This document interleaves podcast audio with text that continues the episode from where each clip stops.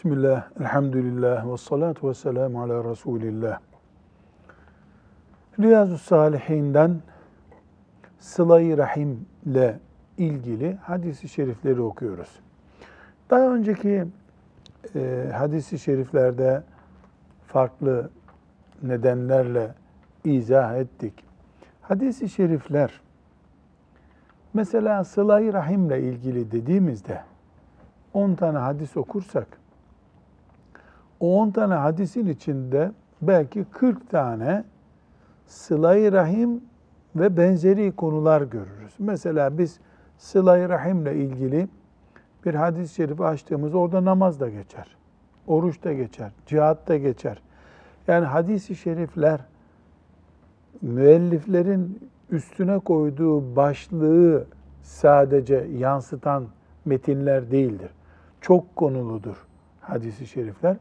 Bu sebeple hadis-i şerifler hakkında bu ön malumatla dinliyor olmak lazım. Şimdi mesela bir hadis-i şerif okuyacağız. Bu direkt bağlantılı olacak silah-i rahimle ama ek konular beraberinde getirecek. Başka bir hadis-i şerif okuyacağız. Bizim başlığımız orada küçük bir nokta gibi duruyor olacak.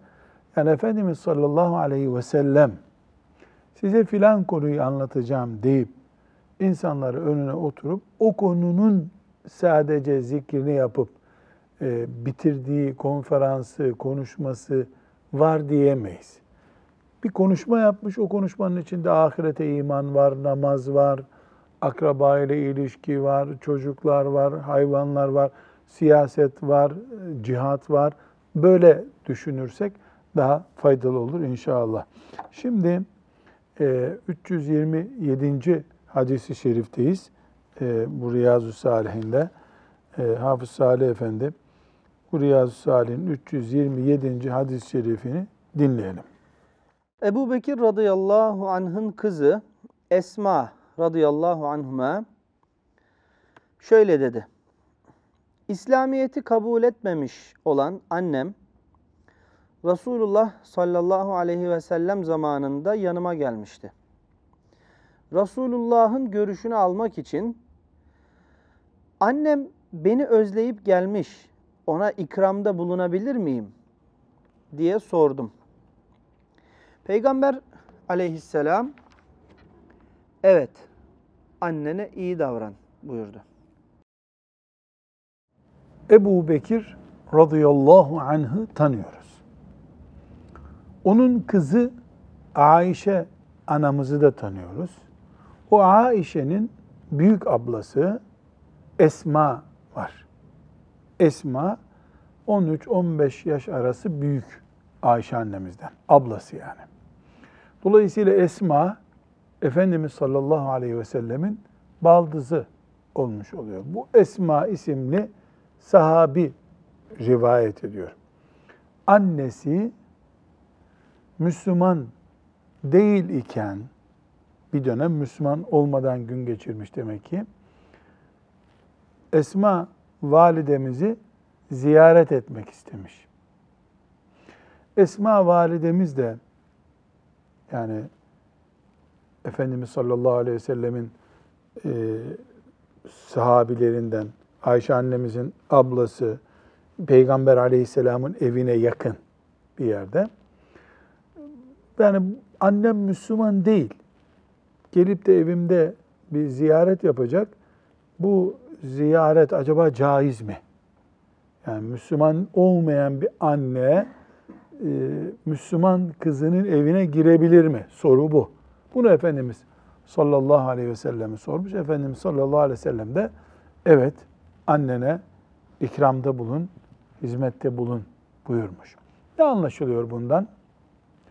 Çok açık bir şekilde anlaşılıyor ki bir Müslüman annesi ve babası kafir bile olsa evlatlık vazifesini yapacak. Nedir evlatlık? Hastaysalar hizmet edeceksin. Yedireceksin, içireceksin. İşte evlatlık nasıl yapılıyorsa. Bunun tek bir istisnası var. Kafirler iki grupturlar. Müslümanlarla savaş durumunda olan kafirler var. Muharip kafirler diyoruz bunlara. Savaş yapıyor Müslümanlar. Bir de Müslümanlarla bir derdi olmayan, kendi gavurluğunu yaşayan insanlar var. O bahsettiğimiz baba elinde silah Müslümanlara zarar veriyor. Müslümanların zarar göreceği işler yapıyor. O arada da oğluna, kızına hizmet et bana diyor. Onunla bir ilgimiz yok. Çünkü onun bizden aldığı destek Müslümanların zarar görmesi anlamına geliyor. Yani bir normal gavur var. Kendi gavurluğuyla baş başa. Bir de savaşçı gavur var. Eli silahlı. Ne tür silahla Müslümana zarar veriliyorsa artık buradaki izni sallallahu aleyhi ve sellemin tabii ki annene hizmet edeceksin diye Esma validemize verdiği izin normal Müslümanlarla bir alıp vereceği olmayan ama Müslüman da olmamış bir baba ve anne için geçerli. Bu hadis-i şerif böyle bir hüküm ihtiva ediyor. Esma radıyallahu anhayı e, zikrettik burada. Önemli bir sahabe. E, Esma Ebu Bekir radıyallahu anh'ın kızı. Ayşe annemizin büyük ablası. Abdullah İbni Zübeyir radıyallahu anh'ın da annesidir. Abdullah İbni Zübeyir, e, Efendimiz sallallahu aleyhi ve sellemin Medine'ye hicretinde doğan ilk çocuklardan. ilk çocuklardan ümmeti Muhammed'in halifelerinden.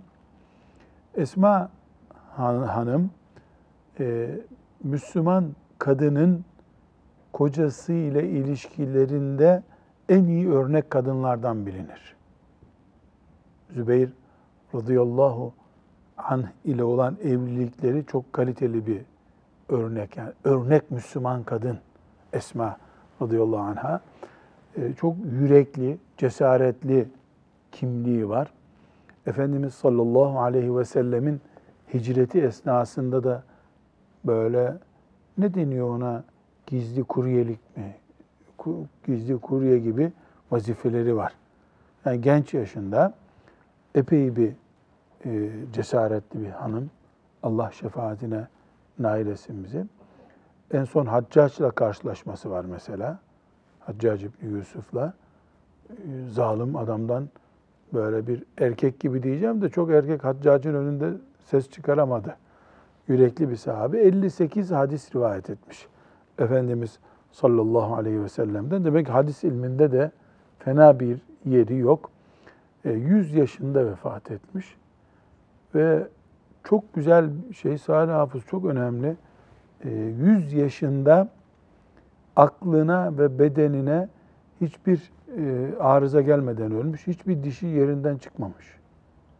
Yani 100 yaşında bir genç kız gibi vefat etmiş. Yani bu Efendimiz sallallahu aleyhi ve sellemin duasından olur. Babasının e, bereketidir. Neyse yani büyük bir kadın. allah Teala'dan şefaatine erenlerden olmayı bize nasip etsin diye dua ederiz. Bu hadis ne anlattı? 327. hadis-i şerif. Anne baba İslam'la savaşan bir kafir durumunda değilse onun evladı evlatlığını yapacak. Babam Müslüman değil diye böyle bir kusur, hürmet arızası olmayacak. Şimdi burada ben küçük bir not düşeyim. İslam'la savaş, işte Esma'nın annesi İslam'la savaş yapıyor deyince işte Mekke'yi putla dolduruyor. Efendimiz'i öldürmek için uğraşıyor. Böyle algılarsak çok az olur. Sekülerizm savaşı yapıyor. Ee, Kur'an'ımızdaki kadınlarla ilgili ayetleri reddediyor. Feminizmi din haline getiriyor. E bu da İslam'la savaş değil mi? Yani İslam'la illa eline bir ok at, alıp da işte Medine'deki hurma ağaçlarını mı e, yani hedef alacak? Yani İslam'la nasıl savaşılıyorsa, Müslümanlarla nasıl savaşılıyorsa, sinsi savaş yapıyorsa, yani gavurluğun bir kendi halindeki durumu var. E, bu böyle demek ki. Burada ne diyor annem? Müslüman değil diyor. Ebu Bekir radıyallahu anh'ın babası da ne zaman Müslüman oldu? Mekke'nin fethinden sonra. Bu da Hudeybiye'den sonra. Bu da Hudeybiye'den sonra geliyor. Demek ki Ebu Bekir radıyallahu anh yani öyle kendi Müslüman oldu ama ailesi de, babası da, karısı da hemen onunla beraber Müslüman olmadılar. Bu işte Allah'ın kaderi. Belki de Ebu Bekir radıyallahu anh'ın büyüklük nedenlerinden biri de bu. Mesela böyle bir aile algısı yaşamadı mesela, hissetmedi onu. Elhamdülillah e, biz büyüklüğünü takdir edip rahat ediyoruz ama e, onlar o büyüklüğe çok kolay gelmediler. Evet. 328. hadisi şerif, uzunca bir hadis-i şerif. Ee, Abdullah İbni Mes'ud isimli büyük, siz bir şey mi söyleyeceksiniz Hasan Hocam? Ha buyur. Şimdi inanmadıkları e, boşanma sebebi olmuyor o zaman. Ee, kocası olsaydı kafir, kendisi Müslüman olunca boşanma nedeni olacak. Kadının inanmayışı boşanma Yani sebebi hanımının Müslüman e, olmaması zaten e, evlilikle ilgili hükümler de tam gelmediği bir dönem o dönem. E, kadının Müslüman olmaması bir idare edilir tarafı var da kadın Müslüman, erkek Müslüman değilse onun hiç idare edilir tarafı yok. Hiç yok. Evet bu Abdullah İbni Mes'ud radıyallahu anh isimli sahabinin Zeynep Es-Sakafiye isimli bir hanımı var. O hanımefendi sahabi bir hadis-i şerif rivayet ediyor. Kadınların e, sadaka vermeleriyle ilgili cümleler var içerisinde E, ve sıla-i rahime de bağlantılı bir konu. Şimdi onu dinleyelim. Abdullah İbni Mes'ud radıyallahu anh'ın karısı Zeynep Es-Sakafiye radıyallahu anhadan rivayet edildiğine göre bir gün Resulullah sallallahu aleyhi ve sellem şöyle buyurmuştu. Ey kadınlar! Zinet eşyanızdan bile olsa sadaka veriniz. Efendimiz sallallahu aleyhi ve sellem kadınlara sadaka vermeyi teşvik buyurmuş. Zeynep sözüne şöyle devam etti. Bunun üzerine ben Abdullah İbni Mes'ud'un yanına dönerek Kocasının yanına gitmiş. Abdullah İbni Mesud ilk yedi sahabiden birisi değil mi? İlk iman edenlerden. kocasının yanına dönerek şöyle dedi. Sen eli dar bir adamsın, Ne demek eli dar bir adamsın? fakir. Fakirsin. Resulullah sallallahu aleyhi ve sellem bize sadaka vermemizi emretti. Kime? Yani kadınlara sadaka verin dedi. Sen fakirsin. Ona git de bir soru ver. Sadakamı sana vermekle bu emri yerine getiriyorsam ne ala. Şayet olmuyorsa başkasına vereyim. Yani Abdullah. Abdullah, fakir, karısı sadaka verecek durumda. Evet. Abdullah İbni Mes'ud radıyallahu anh şöyle dedi. Kendin git sor. Ben de gittim. Resulullah sallallahu aleyhi ve sellemin kapısına varınca ensardan bir kadının orada beklediğini gördüm. Meğer onun derdi de benimkinin aynıymış. Neymiş derdi? Ya sadakamı kocama vereyim ben. Koca fakir, kadın zengin. Resulullah sallallahu aleyhi ve sellemin huzuruna girmeye de pek çekinirdik. Edepten tabii. İçeriden Bilal çıkıverince ona Resulullah sallallahu aleyhi ve selleme git de kapıda iki kadın bekliyor ve kocalarıyla kendi yetimlerine verecekleri sadakanın kabul olup olmadığını soruyorlar de. Ama bizim kim olduğumuzu söyleme dedik. Yani bir kadın diyor de. Bilal hemen Resulullah sallallahu aleyhi ve sellemin huzuruna girerek meseleyi anlattı. Resulullah sallallahu aleyhi ve sellem kim onlar diye sordu. Bilal de Ensardan bir kadınla Zeynep deyince Resulullah sallallahu aleyhi ve sellem hangi Zeynep'miş o diye sordu. Bilal Abdullah'ın karısı dedi. Bunun üzerine Resulullah sallallahu aleyhi ve sellem şöyle buyurdu. Onlar böyle yapmakla iki sevap birden kazanırlar. Biri yakınlarını himaye sevabı, diğeri de sadaka sevabı. Ne yapmakla? Sadakalarını kocalarına vermekle. Çünkü o ensar kadınının da Abdullah'ın karısı Zeynep'in de radıyallahu anhum cemiyan dertleri ne? Kocalarımız sadakaya muhtaç insanlar. Biz sadaka veriyoruz. E bunu verelim kocamıza o zaman diye merak etmişler. Ama bunu da Efendimiz sallallahu aleyhi ve selleme sormadan yapmamışlar. Ki sahabe mantığı hiç sormadan şey yapması mümkün değil. Bunun üzerine Efendimiz sallallahu aleyhi ve sellem işte iki türlü sevap kazanırlar. Hem bir sadaka veriyor, sevap kazanıyor. Hem de kocasına iyilik yaptığı için bir sıla-i rahim burada geliyor işte. Bir bağ var.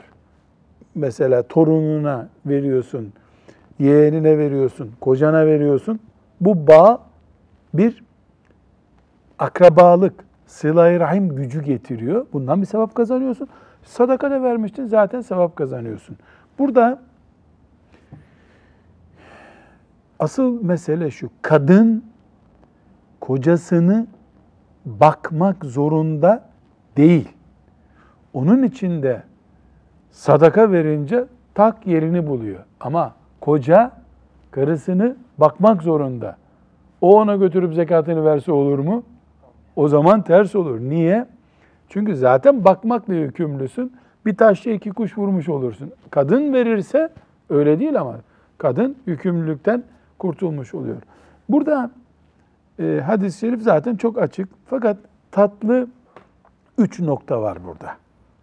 Bir, biz ashab-ı kiramın alimleri derken hep erkeklerini kastetmiyoruz. Kadın da şeriatın en ince meselelerini merak ediyor. Peygamber aleyhisselamdan gidip öğreniyor. O zaman ilim Müslüman erkeğin sorumluluğu değil. Müslüman sorumluluğudur. Erkek ve kadın aynı bu konuda. Diyoruz ya Ebu Hanife'miz var, Ümmü Hanife'miz de olsun. Ümmü Hanife de yetiştirelim. Yetişsin. Bu bir. İki, gayet açık bir şekilde iki tane sahabi kadını burada sadece önümüze çıktı. Belki e, kaç tane daha vardır böyle. E, kendileri zengin, kocaları fakir. Demek ki koca zenginse kadın zengin olur diye bir kural yok. Kadın çok servet sahibi, sadaka verecek kimse olur. Kocası da fakir olabilir. Bütçeleri, kadın ve kocanın bütçelerinin ortak olması gerekmiyor. İkinci mesele bu. Üçüncü mesele burada satır arasına sıkışmış çok güzel bir başlık var. Şimdi hanım bir şeyi merak ediyor, kocasına danışıyor. Peygamber sallallahu aleyhi ve sellem'den bunu öğrenelim diyor. Sen git diyor, yok sen git diyor. Bunun adına biz şeriatta istişare diyoruz. Şura diyoruz. Aynı zamanda bu hadisi şerif Müslüman bir ailede işlerin şura ile yani aralarında görüş alışverişiyle çözülmesi gerektiğini öğretiyor bize. Ne erkek fikirleriyle kral gibi olursa doğru olur ne de kadın benim dediğim olmazsa ben o zaman küserim dediğinde iş doğru olur. Herkes görüşünü belirtir. Sonra gidersin peygambere sorarsın doğrusu nedir? Peygamber sallallahu aleyhi ve sellem yoksa müftüye sorarsın, bir alime sorarsın. İlla insanlar e, görüş alışverişinde bulunmalıdırlar. Hele ailede bu her yerden daha fazla olmalıdır. Bu mübarek hadisi şerif bize bunu anlatmış oldu. Sallallahu aleyhi ve sellem Efendimizin günlerinden. 329. hadisi şerifi şimdi okuyalım. Ebu Sufyan Sahr İbni Harb radıyallahu anh'ten Heraklius kıssasına dair uzun hadiste rivayet edildiğine göre Heraklius Ebu Sufyan'a Peygamber aleyhisselamı kastederek o size ne emrediyor diye sordu.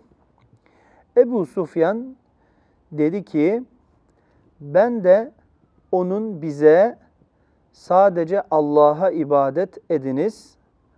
Ona hiçbir şeyi denk tutmayınız. Dedelerinizin taptığı şeyleri bırakınız dedi. Ayrıca bize namaz kılmayı, doğru ve iffetli olmayı, akrabayı görüp gözetmeyi emrettiğini söyledim diyor. Bu Ebu Süfyan radıyallahu anh Heraklius ile karşılaşıyor. O zaman Herak, e, yani Müslüman olmadığı zamanlarda. Heraklius kim? Bizans imparatoru. O ona Muhammed ne anlatır diye soruyor. Uzaktan soruyor işte. Yani Efendimiz sallallahu aleyhi ve sellemi kabul etmiyor. Ama merak O da ona Allah'a ibadet etmemizi, şirk koşmamamızı der bize diyor. Ee, peki sonra namazı emreder, sadakayı emreder, doğruluğu emreder ve sıla-i rahime emreder diyor.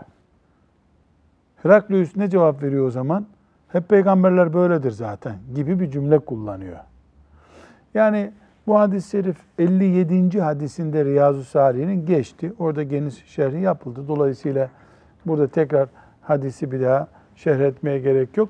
Ama e, Efendimiz sallallahu aleyhi ve sellem ta Medine'nin ilk günlerinden itibaren demek ki Allah'a şirk koşmamak, yalnız Allah'a ibadet etmek, namaz, doğruluk, sadaka ve sıla-i rahimi hep gündeme getiriyor. Kıyamete kadar da Müslümanların iş listesinde bunlar bulunacak. 330. hadis-i şerife geçelim.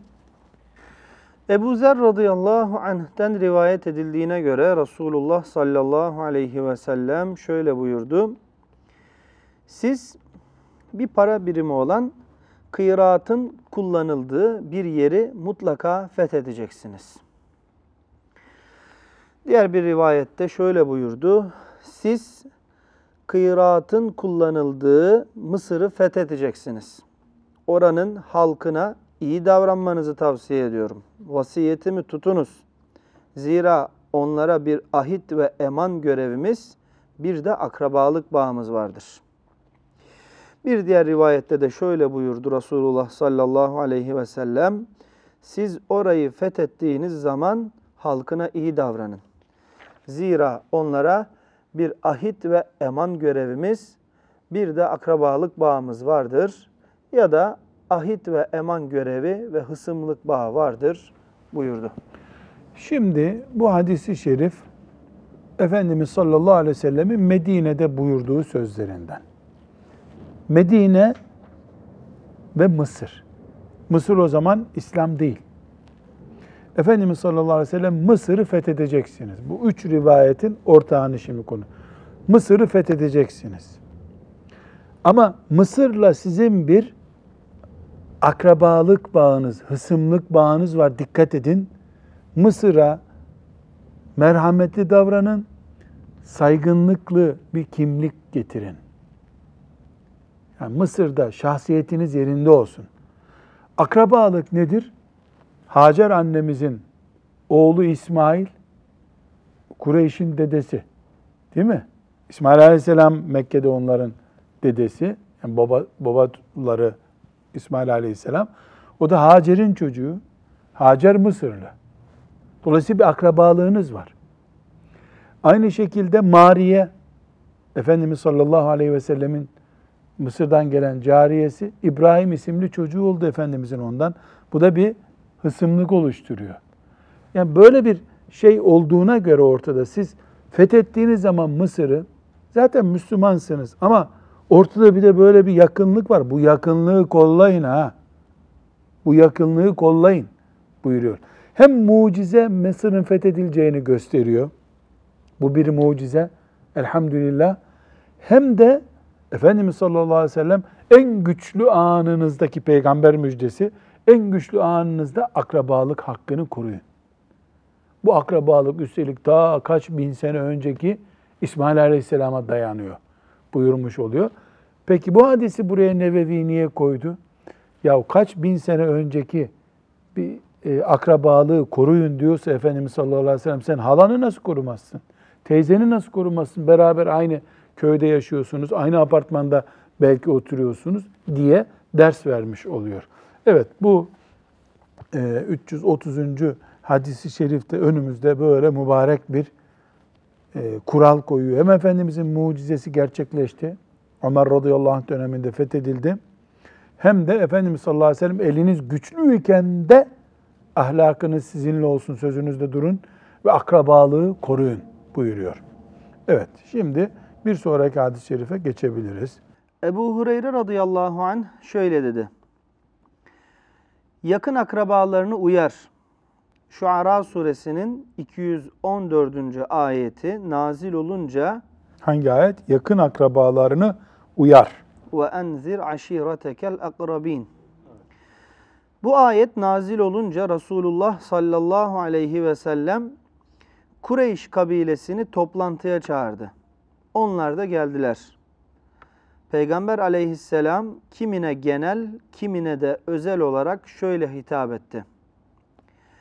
Ey Abdüşşems oğulları, ey Ka'b İbni Lüey oğulları, kendinizi cehennemden kurtarınız. Ey Abdümenaf oğulları, kendinizi cehennemden kurtarınız. Ey Haşim oğulları, kendinizi cehennemden kurtarınız. Ey Abdülmuttalip oğulları, kendinizi cehennemden kurtarınız. Kim bunlar? Kureyş'in amca çocukları. Mesela Haşim oğulları, Kureyş büyük bir sülale. Onun bir kısmı. Abdülmenaf oğulları, Abdülmuttalip oğulları hepsi birer sülale bunlar. Ey Fatıma, Kim bu Fatıma? kızı, Kızı sallallahu aleyhi ve sellem. kendini cehennemden kurtar. Çünkü sizi Allah'ın azabından kurtarmaya benim gücüm yetmez. Ama aramızdaki akrabalık bağı sebebiyle sizinle ilgimi kesmeyeceğim. La ilahe illallah Muhammedur Resulullah. Bu hadis, şimdi dersin başında söyledik ya, bu hadis nerede geçiyor? Sıla-i Rahim konusunda geçiyor. Riyazu Salihinde. E sıla-i Rahim ne demek? Akrabaya iyi davranmak vesaire. Efendimiz sallallahu aleyhi ve sellem ise işte Kureyş'te filanca çocuklar cehennemden kurtulun, filancalar cehennemden kurtulun yani iman edin diyor. Kendi kızına da kızım kendini cehennemden kurtardı, iman et diyor. Çünkü ümmeti Muhammed'in akrabalık bağı, insanlar arasındaki akrabalık bağı ahirette geçer bir akçe değil. Yani Peygamber Aleyhisselam'la aynı aileden olabilirsin, Kureyş'ten beraber olabilirsin. Ahiretin geçer akçesi, para birimi nedir? İman ve ameli salih. İmanın olacak, ibadetin olacak. Ahirette geçer başka bir şey yok. Efendimiz sallallahu aleyhi ve sellem bunu söylüyor. Kendi kızını da özellikle niye devreye sokuyor? Ailesinden hitap edebileceği yanında olan bir o var orada çünkü. Bir o var orada. Kızım yani sen bile dikkat et. Sen bile dikkat et. Bu noktayı bitirirken de akrabalık gözetmeye devam ediyorum ben gene. Ama bu gözetme dünya üzerinde geçerli. Dünya işlerin ahirette yok akrabalığımız buyuruyor. Bu çok önemli bir nokta. Küçük bir soru belki izah etmemiz lazım. Hani şefaat haktı? İman edene şefaat var. Ahirete imanla gidersen ve imanını kurtarmış biri olarak mahşerde bulunursan Peygamber sallallahu aleyhi ve sellemin şefaati var. Ama o şefaatte aldım seni getirdim kurtardım değil bir rica neticede. Allahu Teala kabul buyurursa şefaati mağfiret görürsün. Kesin bizim cennet garanti düşündün mü şefaat hak etmezsin zaten. Maazallah. O zaman ipi koparmış olur insan. 331. hadisi şerifti bu. Bir pratiğini görmüş oluruz. Ama burada çok önemli Hafız Salih. Sıla-i Rahim'i son nokta bu kadar büyük uyarı yapıyor. Sonra da buyuruyor ki akrabalığı kolluyorum dikkat edin diyor. Ama burada kolluyorum ahirette bir faydam yok size. Evet. 332. hadisi şerifi dinleyelim. Ebu Abdullah Amr ibn As radıyallahu anhuma şöyle dedi. Resulullah sallallahu aleyhi ve sellemi gizli değil açıkça şöyle buyururken dinledim. Yani herkesin önünde böyle bir özel bir toplantıda değil. Herkesin önünde şunu buyurmuştu. Akrabam olan filan oğulları ailesi benim dostlarım değildir. Benim dostlarım Allah Teala Allah Teala ile iyi müminlerdir. Allah'tır ve iyi müminlerdir. Fakat ötekilerle aramızda akrabalık bağı bulunduğu için kendileriyle ilgimi kesmeyeceğim. Ya Allah. Yani bir defa büyük bir ilan yapıyor. Ne diyor? Benim dostum Allah'tır. Ve onun mümin kullarıdır. Ama diğer akrabalarım silip atmadım onları. Silip atmadım. Onlar da benim akrabam. Akrabalığımız devam ediyor. Bu bir resmi ilişki duruyor akrabalık o zaman. Onu koruyoruz. Yani sen Müslüman olmadıysan amcalıktan attım seni. Böyle bir şey yok. Sen madem Müslüman değilsin, teyzem sayılmazsın. Teyzelik dindarlıkla ilgili bir şey değil. Allah öyle yaratmış. Bu husus bir kere daha Sıla-i Rahim Efendimiz sallallahu aleyhi ve sellemin nereye koyduğunu gösteriyor. Ama iş muhabbete gelince müminler aralarında dost olurlar. Kafirlerle bu tür bir dostluk olmaz. Akrabalık bağı ne zaman canlı tutuluyor? Dedik ki savaşçı durumda değillerse, onlar Müslümanları kökten imha etmek gibi bir plan yaparken, öyle bir projede adam, öyle Müslümanları imha etmek derneğinde başkan yardımcısı adam, onunla bizim akrabalık bir şey kalmaz ki artık. Enayice gidip ona kendimizi teslim edemeyiz. Bunun haricinde yalnız akrabalığımızı koruyoruz, saygın duruyoruz. Müslümanlık olarak biz onlara bir düşmanlık yapmıyoruz. Müslümanız diye, onlar Müslüman değil diye bir adavet, düşmanlık aramızda olmuyor. Ama İslam vakarını koruyoruz. Buna ne deniyor? El vela vel bera akidesi deniyor. Yani dost Allah'tır. Allah'a iman edendir. Allah'a yakın olmayan, Allah'a iman etmeyen benim öz bir dostum değildir. Onun dünyası ayrı, benim dünyam ayrı.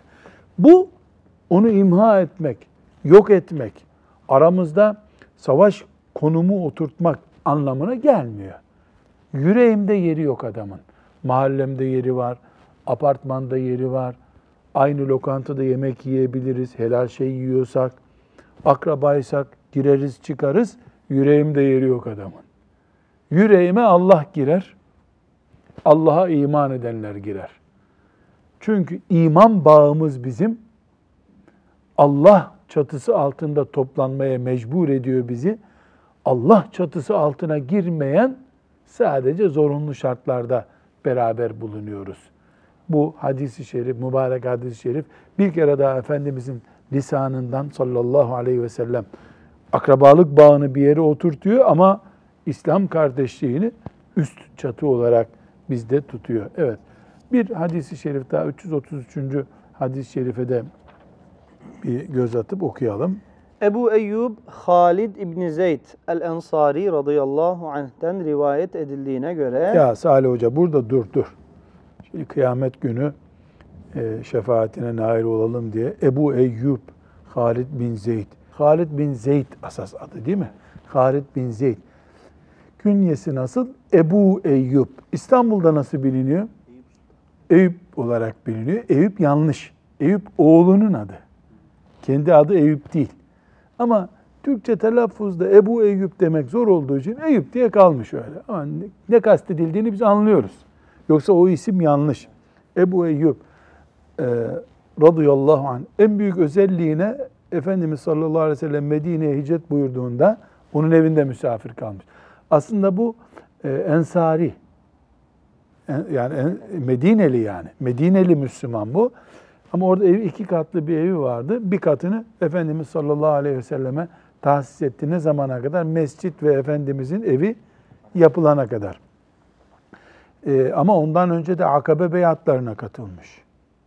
Yani Efendimiz hicret etmeden önce gidip de gel ya Resulallah diyenlerden. Bedir'e katılmış ve Efendimizin katıldığı bütün savaşlara katılmış bir sahabi. Çok mübarek bir sahabe. Ee, Mus'ab bin Umeyr'in de kardeşliği. Yani Efendimiz sallallahu aleyhi ve sellem Medine hicret ettiğinde 500 kadar aile geldi onun ya Mekke'den. O- Onlardan Mekke'den gelenlerden her birini biriyle kardeş yaptı Efendimiz. وَالَّذِينَ tevbe'u dara ve iman ayetinde zikredilen bu Ebu Eyyub el Ensari radıyallahu anh'ın kardeşliği de Musab bin Ümeyr. Dolayısıyla yani tart tartabildiğin kadar ağırlığını e, büyük bir cihat ruhlu bir zat E, ve şu anda İstanbul'da Eyüp denen yerde bulunduğu tahmin ediliyor. E, Yezid isimli komutanın e, zamanında e, İstanbul'a fetih için geldi radıyallahu anh ve orada bedeninin kalması için dua etmiş. O rivayetler sabit ve İstanbul'da Allah nasip etti, kaldı. Rabbim şefaatine nail etsin. Asgari 80 yaşındaydı buraya geldiğinde. Hasan hocam sana ve bana ve Muammer abiye ders bu. Uçakla da gelmedi. Arabayla da gelmedi. En iyi ihtimalle devenin üstünde geldi. 3000 kilometre. 3000 kilometreye yakın ve tabi Medine-i Münevvere'den 3000 değilse de 2500 kilometre rahat vardır yani. Ee, geldi. Ee, o yaşta e, ben radıyallahu anh. Çünkü hicretin 50. e, senesinde 55'e yakın senelerde geldi. E, Efendimiz sallallahu aleyhi ve sellem e, Medine'ye geldiğinde evi vardı. Evli bir insandı. Çocukları vardı. Değil mi? 80 yaşında oluyor. 50, 50 sene sonra da hicretten geldiğine göre 20 yaşında çocuğu vardıysa 70'i aşıyor bir defa. Ki tarihler 84 gibi söylüyor. Ama bunlar ayet olmadığı için bu konuda yani 80 olsa ne olur, 82 olsa ne olur gerçi. Yani 65 yaşında mecburen kanunen emekli yapılıyor insanlar. 65 yaşında mecburen emekli olunuyor bu dünyada. E, bu 80 yaşından sonra fetih için gelmiş radıyallahu anh. Sahabe olmak farklı bir şey. Bu zatın şimdi dinleyelim rivayet ettiği hadisi. Bunun epey bir hadisleri var. Yüzden fazla rivayet ettiği hadis var. Çok hadis rivayet etmiş. Evet. Ebu Eyyub Halid İbni Zeyd el-Ensari radıyallahu anh'ten rivayet edildiğine göre bir adam Ya Resulallah beni cennete götürüp cehennemden uzaklaştıracak davranışı haber ver dedi. Yani ya Resulallah beni cennete sokacak şeyi söyle. Cehennemden kurtulayım, cennete gireyim. Bunun üzerine Resulullah sallallahu aleyhi ve sellem şöyle buyurdu. Allah'a ibadet edip ona hiçbir şeyi denk tutmazsın. Namazı kılar, zekatı verir ve akrabanı koruyup gözetirsin. Evet. Şimdi bunu uzatmaya gerek yok. Adam geliyor. Ya Resulallah. Bana bir şey söyle ki cehennemden kurtulayım, cennete gireyim. Efendimiz ona ne diyor? Şirk koşmayacaksın. Yani sadece Allah diyeceksin. Ne putun, ne sistemin, ne izimin, ne demokrasinin bir şeyin olmayacak. Allah olacak sadece. Sonra Namaz, namaz. Sonra, zekat, sonra akraba. sıla-i rahim. Yap bunları gir cennete. Bu kadar. Sıla-i rahim gene ne oldu? Namazın dibine geldi oturdu hemen. Bir ekstra bir kültür değil demek ki bu. Din. Bu hadisten başka şeyler de çıkarıyoruz. Nedir o? Bir müminin cennete girmek diye bir hedefi olur. Cenneti öyle force için yani işte cennet birkaç tane köşk falan böyle denecek bir yer değil. Bak sahabenin derdi var. Cennete girmek diye bir derdi var. Efendimizin cümlesinden ne anlaşılıyor? Bu hayat belli bir sıralama ile yaşanmalı. Bir öncelikler sırası olacak müminin. İman, namaz, zekat, sıla-i rahim. Bir, bir sıralama var. Yuvarlaya yuvarlaya din yaşanmıyor demek ki. Evet sıla-i rahim çok önemli. Namazdan da mı önemli? Hayır. e, namaz önemli, imandan da mı önemli? Hayır. Bir sıralama var demek ki. Allahu Teala bu hadis-i şerifleri bize rivayet eden ashabtan razı olsun. Onları da bizi de Peygamber sallallahu aleyhi ve sellemin Havz-ı Kevser'inde buluştursun. Ve sallallahu ve sellem ala seyyidina Muhammed ve ala alihi ve sahbihi ecma'in velhamdülillahi rabbil alemin.